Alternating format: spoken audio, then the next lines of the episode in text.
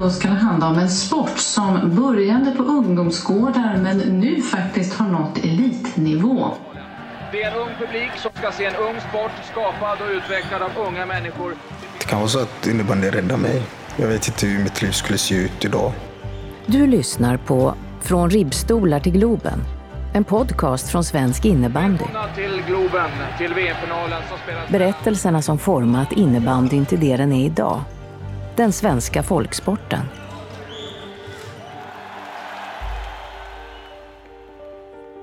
Idag med titel Stjärnlagets nya tränare. En tjej. Jag kommer ihåg att hon kom in och hon hade pondus den damen. Vi vann ju i princip allt vi ställde upp i under de två åren. Det här kommer inte vara det sista som innebandy visar upp. Vi är grymma på det. Och jag fick liksom omedelbar respekt för henne. Men sen så var ju kritiken massiv från egna led. Va? Ska en, eh, en tjej vara förbundskapten för ett herrlandslag? Men gud, jag trodde det handlade om att vinna. Liksom. Vad handlar det här om egentligen?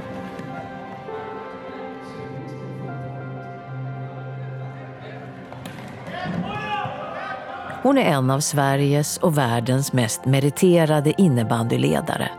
Och hon har krossat glastak efter glastak. Ibland utan att förstå det själv. Men för Kristina Langgren var det aldrig en fråga om att bryta normer eller stå på barrikaden. Genom hela sin karriär har hon drivits av sin vilja att vinna. Att vinna till varje pris.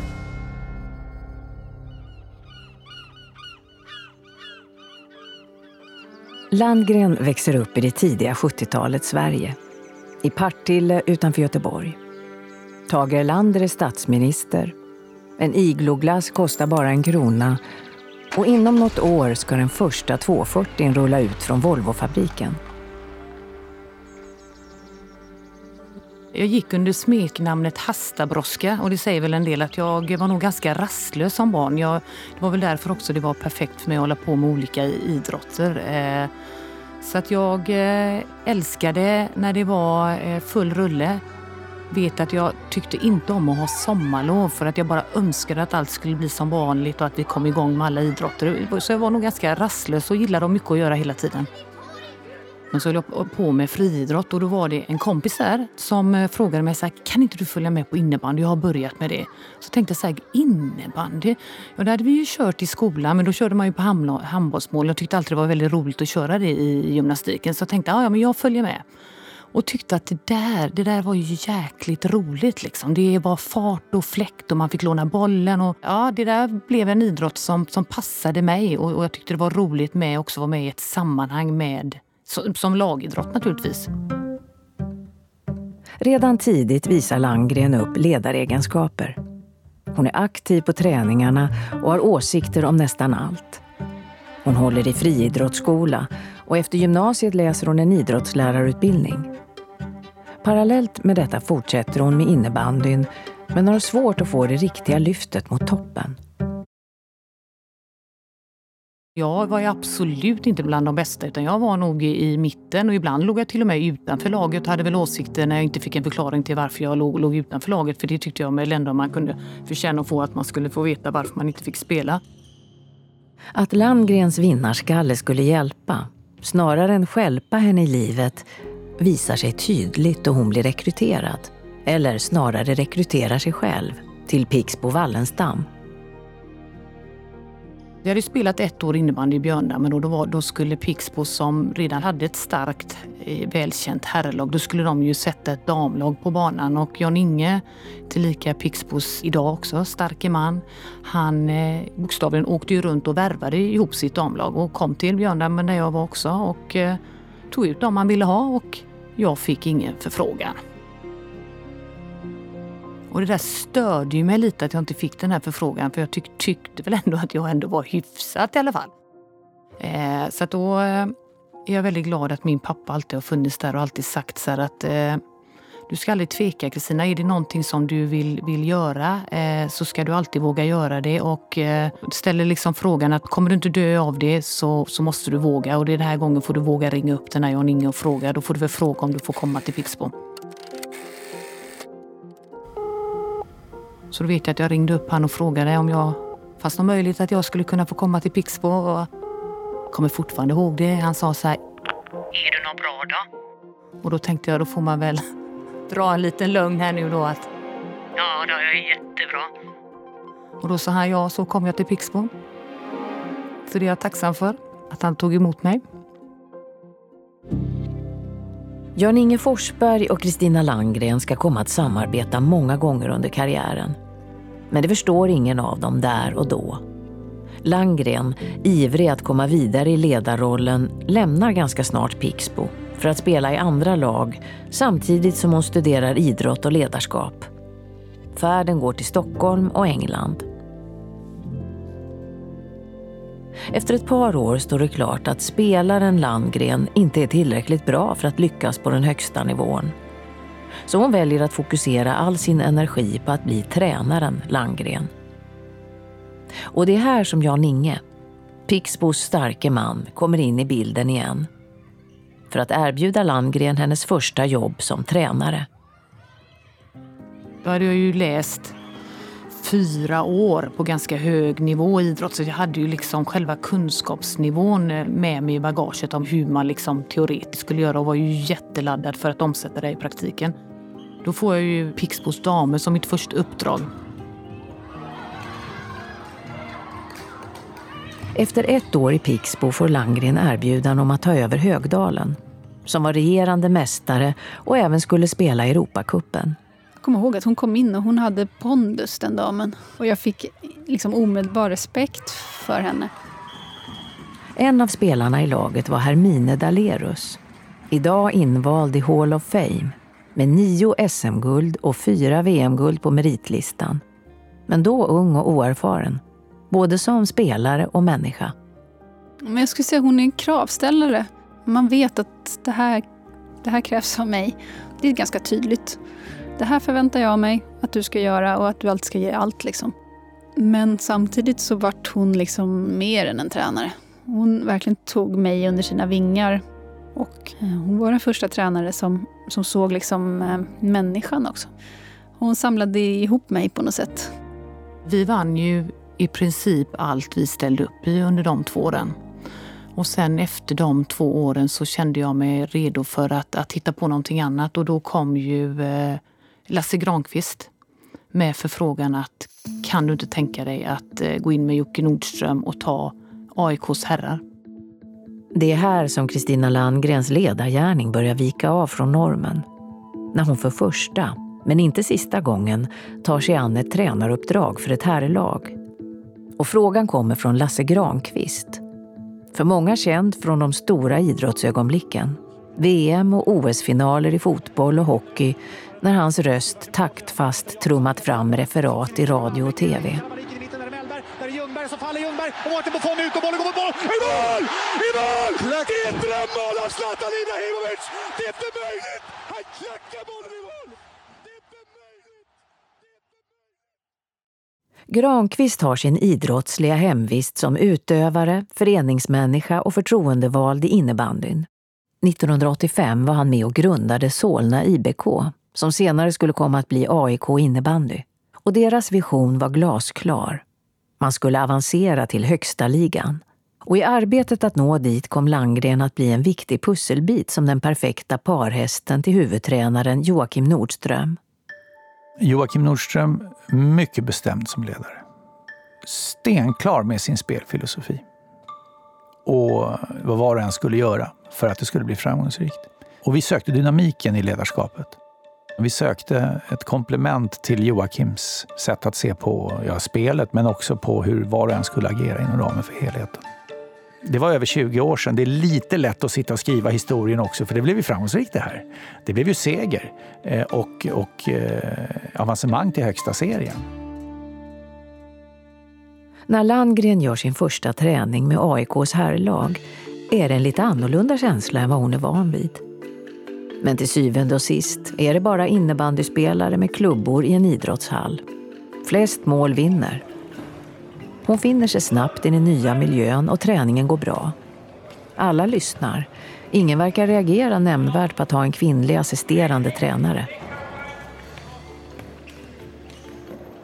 Spelarna går in i omklädningsrummet när Landgren plockar ihop det sista och gör sig redo att lämna.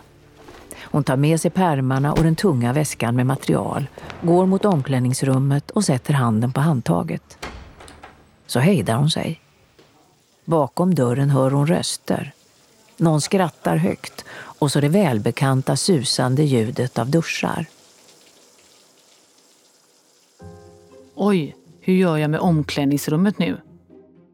Och det kom egentligen att jag tror på de första träningarna så har jag alltid min, min handväska eller damväska som jag säger in i omklädningsrummet så skulle jag gå in och hämta den och rycker ju upp dörren och där står ju killarna nakna. Och jag stänger igen den och känner, vad gör jag nu liksom? Och sen så inser jag bara att nej men jag är ju tränare, jag är inte tjejen. Så då öppnar jag bara dörren och går in och hämtar mina grejer och så förhåller jag mig till att jag är deras tränare, ingenting annat. Ingen aning om vad omgivningen tyckte. Jag funderade aldrig på det då. Arbetet i AIK innebandy går bra och laget under ledning av Nordström och Landgren går upp i högsta ligan. Men inom henne har något börjat gro. En längtan. Till en början vag och svårdefinierad, men efterhand allt klarare. Landgren har drabbats av hemlängtan. Då tänkte jag att nu, nu är det kanske dags då efter de här åren att flytta hem till Göteborg. Så då ringer jag till, tillbaka till Jan-Inge då, som naturligtvis är kvar i Pixbo fortfarande. Och så, så säger jag att nu kommer jag flytta hem, kan du inte fundera? Och så funderar han några dagar och så kom han tillbaka så sa han så här, du, eh, du, eh, jag tycker du ska ta rollen som eh, tränare för, för Pixbos herrar. Jag bara, va? Huvudtränare för Pixbos herrar? Så att jag tackar ja till, till det uppdraget att ta Pixbos herrar. Och då var jag inte riktigt mentalt förberedd på vad omgivningen faktiskt skulle tycka. För att då direkt när Pixbo trycker på pressrelease-knappen så kom ju eh, reaktioner från omgivningen. Vi vet inte hur man resonerade den där dagen i maj när pressmeddelandet landade hos Aftonbladet. Vi vet inte om man vägde sina ord på guldvåg när artikeln skrevs. När man satte rubriken. När man skickade tidningen på tryck.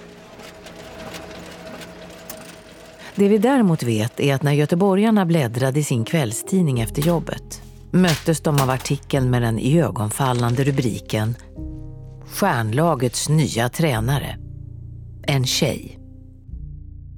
För Landgren åskådliggjordes ett samhälle som inte var redo att bedöma kompetens utan att fokusera på kön. Alltså, jag var ju inte ens förberedd på det överhuvudtaget utan det var ju bara en i mängden av grejer som hände ganska snabbt. Det var ju hela tiden rubriker som man kan tycka nu i efterhand liksom Oj, Landgrens pojkar ser snälla ut när vi förlorade en match. Ja, är det kris Tina, vi förlorade mot, vårt Varberg. Ja, det var såna här, massa sådana grejer. Så att det, ja.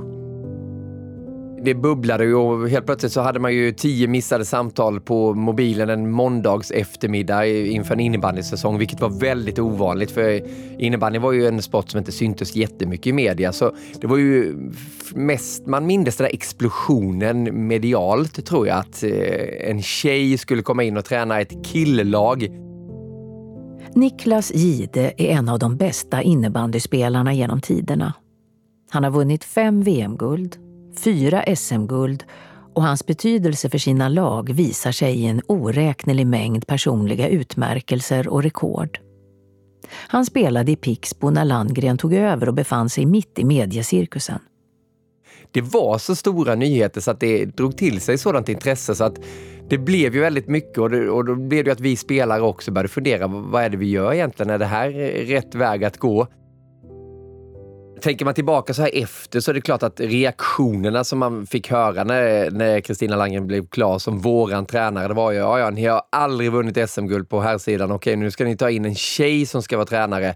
Du vet det här typiska komma, hur ska det fungera i omklädningsrummet och alla de här banala bitarna som herregud, vi, vi är en elitförening, det har väl ingenting med det att göra. Det blev att alla riktade blickarna mot Pixbo och framförallt då eh, mot Kristina Landgren. Efter en lång säsong med blandade resultat har Pixbo tagit sig till semifinal mot Haninge. En klubb som är på väg uppåt och har vind i seglen. Pixbo förlorar och en rasande Landgren störtar ut ur hallen och tar i ilskan och besvikelsen ett beslut som hon ångrar än idag. Jag klarar inte av att hantera att vi åker ut. Jag tar mitt pick och pack och flyger hem och sätter spelarna på bussen hem själva utan sin huvudtränare. Så där lärde jag mig att du har ett problem Kristina. Du måste jobba med att eh, lära dig hantera motgångar. Liksom. Annars kommer du inte kunna vara långvarig inom den, den här idrotten. Liksom. Det är, du finns där för dina spelare i medgång och du finns där i, i motgång. Säsongen efter börjar som den tidigare slutade. Och då tar Landgren ett beslut som vittnar om vilken ovanlig vinnarskalle hon är. Hon visar att allt, precis allt, handlar om att vinna. Och då spelar ingen roll vilka metoder man måste använda för att ta sig dit. Även om det innebär att man måste avsätta sig själv. Vi värver ihop ett fantastiskt bra lag till år två som jag har dem. Men när vi börjar gå mot december, eh, januari där tror jag det är, så känner jag att jag får inte riktigt ihop det här. Vi ligger långt efter och borde spela bättre med det, med det materialet. Så då går jag till föreningen och, och till Jan-Inge och säger så här att jag ställer min, min, plats till förfogande för att jag har svårt att få ihop det här. Och man var inte riktigt med på det. Man bara va? Vadå ställa din plats till förfogande? Men det stod jag fast vid med och då tar man in en annan röst i båset med Jan-Erik Larsson. Sen var jag med runt om laget på träning och sånt där och det året där på våren så tar vi det första SM-guldet. Och där är väl också igen, känner jag, liksom en röd tråd att för mig handlar det fortfarande om att vinna men det handlar också om att hur kan vi göra det med de resurserna vi har? Och Det innebär som ledare också att ibland är det andra beslut. Det är inte du som själv står i fokus utan det är målet och hur vi tar oss dit. Parallellt med jobbet i Pixbo får Langgren uppdraget som huvudtränare för damlandslaget och skördar stora framgångar. Bland annat leder hon laget till ett VM-guld och ett VM-brons och befäster därmed Sveriges roll som världens bästa landslag. Men snart ska ytterligare en utmaning, den kanske största i hennes liv, presentera sig.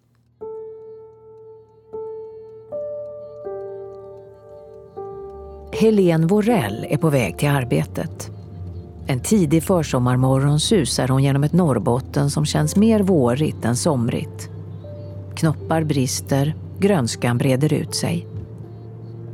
Helen sitter i styrelsen för svensk innebandy med ansvar för landslaget och tillsättningen av förbundskaptenerna. Sverige har vunnit tre VM-guld under ledning av Peter Kokocha. Men de finska herrarna har närmat sig år för år och är nu nästan i kapp. Det behövs en ny röst och det är upp till Helen att hitta en ny förbundskapten som kan ta sig an uppgiften. Hon vevar ner rutan en bit och släpper in den svala, friska morgonluften. Tar ett djupt andetag och tänker igenom allt en gång till. Efterträdaren hade känts så självskriven. Alla hon pratat med hade ställt sig bakom beslutet. Ändå vill hon vara helt säker. Är det här rätt person att hålla finnarna bakom oss och leda Sverige till nya VM-guld? Hon parkerar bilen, går till kontorshuset och drar sitt passerkort för att komma in. Hon är först på plats, idag också. Redan innan hon tänt lamporna sätter hon igång kaffekokaren. Doften av det nybryggda kaffet väcker något i henne. Det startar dagen, cementerar beslutet. Det här är rätt. Det kommer att bli bra. Ingen mening att dra ut på det längre än nödvändigt. Hon sätter sig bakom skrivbordet, lyfter telefonen och slår vant siffrorna. En signal går fram. Sen en till. Och en till. Dagen då jag eh, får förfrågan om jag vill ta det svenska herrlandslaget är en dag som jag egentligen bara kan eh, blunda så ser jag exakt var jag befinner mig. Det är ju i början på juni någonstans där och VM och allting har ju redan varit över med damerna och vi har tagit guldet. Så Vi hade ju liksom redan haft all vår utvärdering och vi skulle ju bara fortsätta en ny tvåårsperiod, jag och Åsa.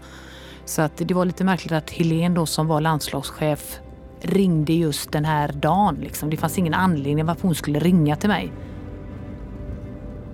Jag satt i bilen och direkt efter eh, det samtalet så fick jag köra in på närmsta busshållplats och bara sätta mig ner och hade jag verkligen hört rätt? Hade hon precis erbjudit mig rollen att bli den svenska förbundskaptenen på VM på hemmaplan? En roll som jag trodde att jag aldrig skulle kunna bli tillfrågad till fast jag så, alltså så någonstans, behöver man ju inte hymla om, att det är klart man hade drömt om det. Liksom. Man hade ju haft Pixbo Serra, man hade haft damlandslaget och, och, och, varit med. Det är klart att det här var ju ytterligare liksom ett steg att på hemma-VM få möjligheten att vinna ett guld. Det hade ju varit grymt att få göra det och vara med på den resan.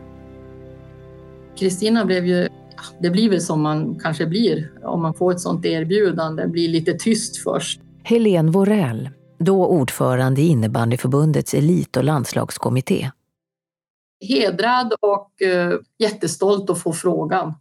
Och sen så var det ju, som jag sa, ett delat ledarskap. Det var ju två personer som, som delade på det hela, men det blev ju som i skymundan av alltihopa. Det blev ju väldigt mycket fokus på Kristina utifrån att det var ett herrlandslag.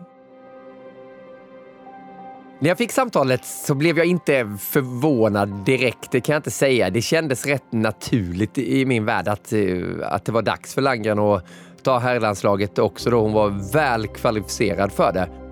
Det är klart att jag kände wow, det här blir ju skitkul att Kristina Langen ska ta herrlandslaget. För jag visste ju vad hon hade gjort med damlandslaget då, att det hade varit så framgångsrikt där. Och det, det kändes som att det var skräddarsytt för henne. Och så kom den här saken igen då, snöbollen för innebandyn som hade varit lite still där ett tag, några år efter att hon tog över Pixbo Wallenstam.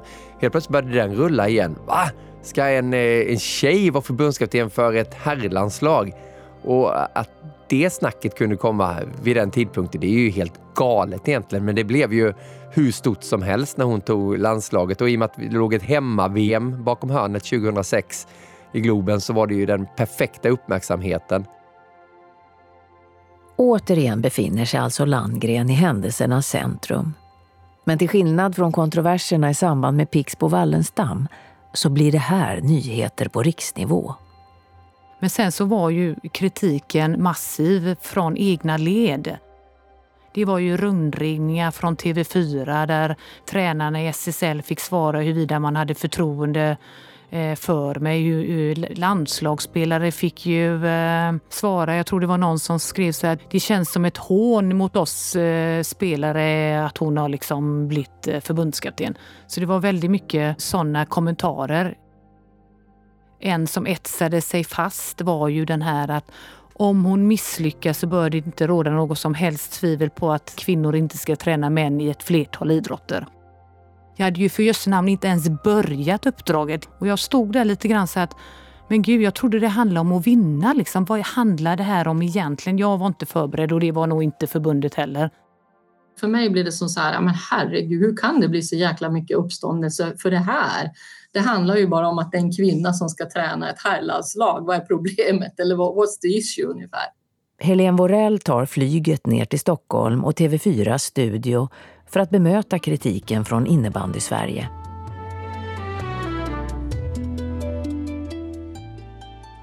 Nu ska vi byta ämne. Det ska handla om innebandy. Och frågan som ställs är varför skulle inte en kvinna kunna vara förbundskapten för det manliga innebandylandslaget?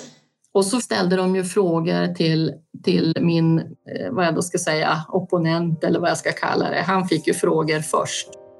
Varför Rune kallar du henne för en broilerprodukt? Nej, det känns väl mer som att det är förbundet som har bestämt att hon ska pushas fram och hon ska komma här i, i bräschen oavsett eh, de resultat hon har gjort. Men det är en något nedlåtande attityd som jag tycker att du har i inslaget här. Varför har könet på tränaren betydelse för inställningen till, till landslaget? Nej, definitivt ingenting. Hon hade fått vara en hund om det vore så. Det har absolut ingen betydelse. Men, du säger en känsla. Och när han svarade på första frågan, då kände jag bara hur jag slappnade av och tänkte att Ja, herregud. Är det så här han kommer att svara, då är det här piece of cake ungefär. Jag har ju pratat med många elitserietränare och jag kan väl säga att jag representerar dem och elitklubbarna.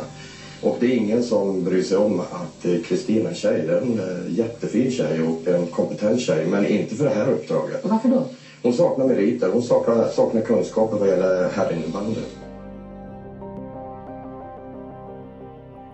Efter att ha tackat ja till förfrågan att leda det svenska herrlandslaget mot VM-guld på hemmaplan står Landgren inför sin största utmaning någonsin.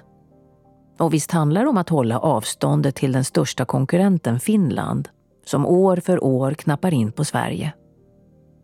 Men motståndarna finns också närmare än så. I de egna leden och i medierna. Och där handlar motståndet om något hon inte kan påverka. Det faktum att hon är kvinna. För mig handlar det inte om kön. Det handlar om för mig bara en enda sak. Det är att sätta ett lag på banan och vinna och hur du ska ta dig dit. Alltså jag tyckte att jag var, var tillräckligt kompetent för att sätta upp den uppsättningen för hur vi skulle göra för, för att, och, och vinna. Och det var väl det som gjorde mig, mig ledsen, att man, att man fick så mycket kritik innan man ens hann börja. Liksom. Man hade ju ändå varit med ett tag. Men å andra sidan så insåg jag också att ger du dig in i leken så får du leken tåla, annars så kan du inte hålla på på den nivån. Uppladdningen inför VM på hemmaplan 2006 och starten på mästerskapet ska visa sig vara fylld av motgångar. Landgrens belackare slipar knivarna, redo att kölhala den första kvinnliga förbundskaptenen för ett herrlag. Men Landgren kommer återigen att tysta sina kritiker. Och det är en historia vi får anledning att återkomma till senare i den här serien. Kristina Landgren är fortfarande mitt uppe i karriären och det finns många oskrivna blad i boken om hennes liv. Men vi låter ändå Lasse Granqvist, som en gång rekryterade henne till AIK innebandy, göra delbokslut i historien om Landgren. Ja, hon har vågat. Hon har inte stått tillbaka. Hon har inte, hon har inte haft en baktanke som säger att klarar jag verkligen det här? Kan jag verkligen det här? Eh, när AIK innebandy frågade om det assisterande tränarskapet på 90-talet, då sa hon ja. Eh, ansvaret i Pixbo Wallenstam och också avancera ännu mer till ett ännu större ansvarsområde har hon sagt ja till. Landslagsuppdragen har hon sagt ja till. Riksidrottsförbundets elitutveckling har hon sagt ja till. Eh, så hon har aldrig backat undan. Och den typen av människor, personer som har det här i grunden engagemanget och har nyfikenheten, de beundrar jag storligen. Sen är jag lite nyfiken på vart tar den vägen nu då? Det måste ju skrivas ett nytt kapitel. För en människa som har en grundläggande eh, nyfikenhet och ett engagemang, där är det ju inte det sista kapitlet skrivet förrän liksom det är slut. Jag menar, Björn Eriksson som ska väljas till ny ordförande i Riksidrottsförbundet är ju 76, så att någonstans så kanske han känner att två år till, sen får det räcka. Tycker jag är en lämplig uppgift faktiskt för Kristina fantastiskt för tjejerna som har jobbat så länge, så hårt med det här. Så det är, och grymt också att det är rekord med publik där på damsidan. Fantastisk inramning.